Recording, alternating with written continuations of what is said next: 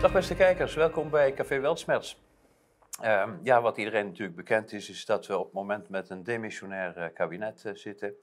En onze minister-president uh, die schepte in de vorige demissionaire periode op dat hij daarmee meer macht zou krijgen, omdat hij niet weggestuurd kon worden.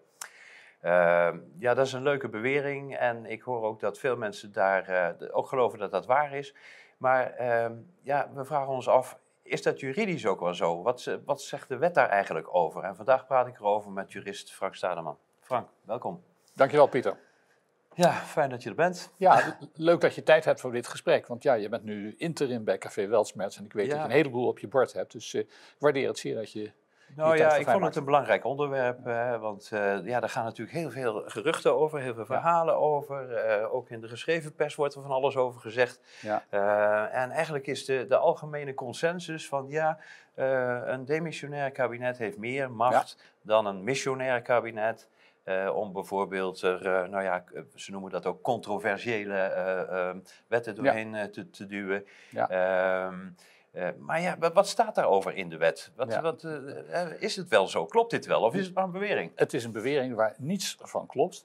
Uh, maar dan moet ik eerst iets vertellen over de, de, de, hoe het staatsrecht werkt. Het staatsrecht, als het gaat om het functioneren van de Tweede en de Eerste Kamer, het parlement en het kabinet en het benoemen van ministers en het ontslaan van ministers, kent eigenlijk maar een paar regels in de grondwet. Verder is het hele staatsrecht is puur en alleen gewoonte.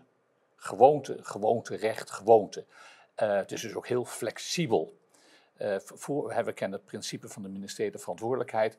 Vroeger, uh, ooit voor de Tweede Wereldoorlog, is er een minister afgetreden. Want die nam een ministerie verantwoordelijkheid voor het feit dat hij in een echtscheiding lag. En dat was onge ongehoord. Okay. Dus die trad terug als minister.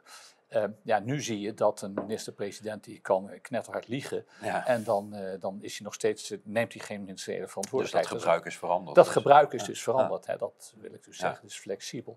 Uh, het, het, het, parlement heeft, het parlement zelf heeft maar één, in de grondwet maar één macht. Eh, voor zover die van belang is in, in dit verband. Het parlement kan het werken van een minister of een kabinet onmogelijk maken door alle wetsvoorstellen af te schieten. Ja. En ehm, dan kan een kabinet dus niks. Een minister kan niks, het kabinet kan niks. Staat buitenspel. Dan staat hij dus buitenspel. Dat gebeurt in de praktijk niet. In de praktijk komt het nooit zover, want dan wordt er een motie van wantrouwen aangenomen tegen een minister of tegen een, een kabinet. En dan trekt de minister zijn, zijn conclusies daaruit, of het hele kabinet trekt zijn conclusies eruit en mhm. biedt dan ontslag aan aan de koning. Maar dat is allemaal ongeschreven. Ja. En waarom klopt die bewering nou niet van Rutte? Ehm, het parlement heeft het laatste woord en het parlement kan dus iedere uh, voorstel van het kabinet uh, blokkeren. Ja. Ook in de demissionaire status. Dus daar is eigenlijk geen verschil tussen missionaire en demissionaire status. Dat is helemaal geen verschil. Nee. Dat is helemaal gewoon geen verschil. Dat is precies hetzelfde. Ja, het enige wat je dan zou kunnen stellen is dat uh, als een parlement um, niet demissionair wil worden, um, dat ze beter op hun tellen moeten passen dan wanneer het nu uh, al demissionair is. Als we het hebben over gewoonterecht, zeg maar. Ja, als kabinet wil je natuurlijk niet in conflict komen met de Kamer. Vallen, je wil niet vallen. Nee, en als precies. het al gevallen is, ja, dan ja, wat, wat gebeurt er dan als het, als het kabinet is gevallen? En dat is ook, uh, ook gewoonterecht. Hm. Dan gaat de minister-president naar de koning. Ja. En dan biedt hij het ontslag van het kabinet aan. En dan zegt de koning, die zegt nooit, uh, ik aanvaard het.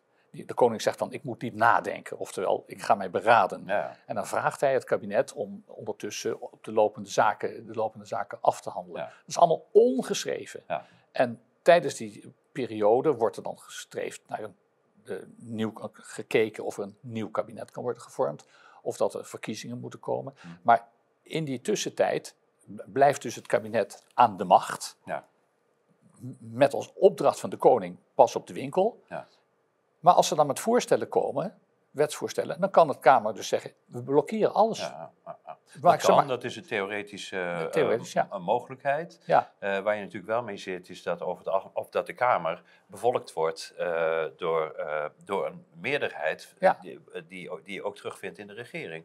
Ja. Ehm, dus de kans dat een, uh, een kabinet, of een, uh, sorry, de Kamer het kabinet blokkeert door alle wetsvoorstellen um, te blokkeren, um, in de Dat- praktijk. Nou, dat, zover komt het dus nooit, Nee. omdat voor die tijd dan al de minister of een kabinet zijn ontslag heeft aangeboden. Ja. Maar het, als het parlement consequent zou zijn, als er een motie van wantrouwen wordt aangenomen, dus met een meerderheid hè, Ja. in de Tweede Kamer, wordt er met een meerderheid wordt er een motie van wantrouwen dus aangenomen, dan, ehm, kan de, eh, dan kan de minister vervolgens toch doorgaan met een achtneming van de opdracht die hij heeft gekregen, of het kabinet kan doorgaan Ja. met een achtneming van de opdracht die hij heeft gekregen van de koning. Maar als, het, als dan er een wetsvoorstel komt wat men niet wil, dan kan het parlement nog steeds zeggen, eh, eh, we blokkeren dat. Mhm. En dat zou logischerwijs ook eh, voor de hand liggen, omdat men die motie van wantrouwen ook heeft aangenomen. Ja, ja. Dat zou je dan zeggen, ja. Hey, er is ook veel sprake over zogenaamde controversiële eh, zaken. Ja. Het lijkt een goed gebruik te zijn dat, ja, waar we nu achter komen, dat het eigenlijk ook niet ergens in een regel of wet vast is. Nee. Maar het lijkt een goed gebruik te zijn eh, dat in een eh, demissionaire periode de controversiële onderwerpen eh, worden overgedragen aan een eventueel volgend kabinet. Ja. Dus dat het demissionaire kabinet daar geen belangrijke eh, beslissingen Ja. inneemt be- die, die belangrijk zijn voor het land. En dat is dus al een erosie ten opzichte van het vorige gebruik, pas op de winkel. ja. Dus, Dat deden kabinet- demissionaire kabinetten deden dat vroeger ook, alleen op de winkel passen en geen controversiële onderwerpen meer behandelen. Ehm, je ziet dus al een erosie, want voorheen was het dan dat het kabinet op de winkel moest passen. Mhm. Eh, dat is geworden eh, geen controversiële onderwerpen meer behandelen, Ja. maar dat, is- dat, dat is iets anders, want je kunt, eh, je kunt een niet controversieel onderwerp behandelen, een wetsvoorstellen voor Ja. Terwijl dat meer is dan op de winkel passen. Ja, ja, dus je ziet al een erosie. ja. Het En is een de- grijs gebied aan het worden, een beetje. Nou ja, het is, het is een hellend vlak. En je Een ziet, ja, je ziet, ja, je ja, ziet ja. Dat, die- dat dat kabinet dus steeds meer zich eh, niks aantrekt van de mores Ja. om op de winkel te passen. Ja. En we hebben tijdens de eh, coronacrisis natuurlijk gezien dat eh, het demissionaire kabinet Rutte enorm ingrijpende maatregelen heeft Ja. getroffen. Dus zelfs die regel die, eh, is aan erosie onderhevig. Absoluut. Bovendien, wie bepaalt wat een controversieel onderwerp is? Precies, dat is natuurlijk. Eh, Maar is, is daar een gewoonte in? Nou, Eh, dat bepaalt het parlement. Ja, oké. En dan heeft dus de oppositie een nakijken, Ja. Dus- Omdat die per definitie in de minderheid omdat is. hij in de minderheid is. ja. ja. Er gaan ve- veel stemmen op die zeggen van ja, het, het parlement is, of het eh, kabinet is opzettelijk onderuit gehaald, eh, zodat het mogelijkheden krijgt die het anders niet zou hebben. Eh, hoe maar kijk jij dat- tegenaan? Dat is dus gewoon, ja, dat is onzin. Ik, bedoel, ik wil best geloven dat er een, eh, een strategie zit achter de- deze laatste kabinetscrisis. Dat, dat, je moet denk ik stekenblind zijn als je dat niet ziet. Mhm. Maar het is niet zo dat ehm, meneer Rutte daarmee voor zijn kabinet dus meer macht heeft gecreëerd. Nee. Want hij kan altijd... Hij kan altijd naar huis gestuurd worden. Zijn voorstellen kunnen altijd geblokkeerd worden door de, door de Tweede Kamer. Want Die macht heeft het parlement. En dan hangt het dus vanaf of het parlement bereid is die macht te gebruiken. Ja, nou, en dat blijkt dus dat ze dat. In het verleden is dat gebleken dat ze dat niet doen. Nee. En dan ver- vergelijk ik ze toch maar met het eh, volkscongres van, van Noord-Korea. Die, eh, dat, ja, die Ja. doen ook alles wat meneer Kim ja-knikkers. Jong-in eh, eh, beveelt. Ja, de ja-knikkers. de ja-knikkers, Ja, Een applaudie. Ja, precies. Ja, daar zijn ze goed in. Daar Daar zijn ze goed. in. Ja, maar hier kan En hier dus ook, ja. ook, hè? Ja, ja. Eh, Oké, dus eh, samenvattend zeg je van oké, eh, vanuit juridisch aspect levert het het eh, kabinet eigenlijk geen voor- of nadelen op eh, om zich eh, te Nee. laten vallen. Hè? Want het was een beetje een zwalbe was het eigenlijk. Ja, hè? ja, ja. ja, En, ja. eh, Ja. Om zich eh, te, laten, te laten vallen. Eh, juridisch gezien niet. is nee. het onzin? Ja. Dus in principe kunnen we die discussie dan eh, eh, afsluiten. Ik denk het wel. Ja. Ja.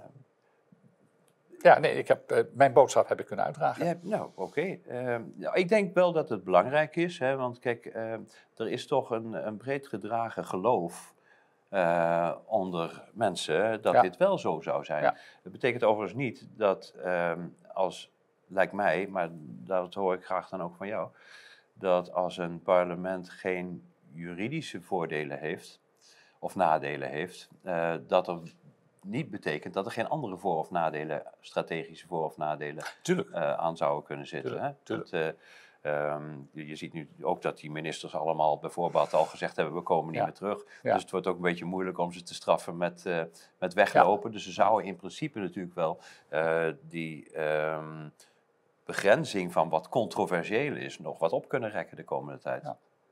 Ja, dat zouden ze kunnen doen. Ja. Ja, dat zouden ze kunnen doen.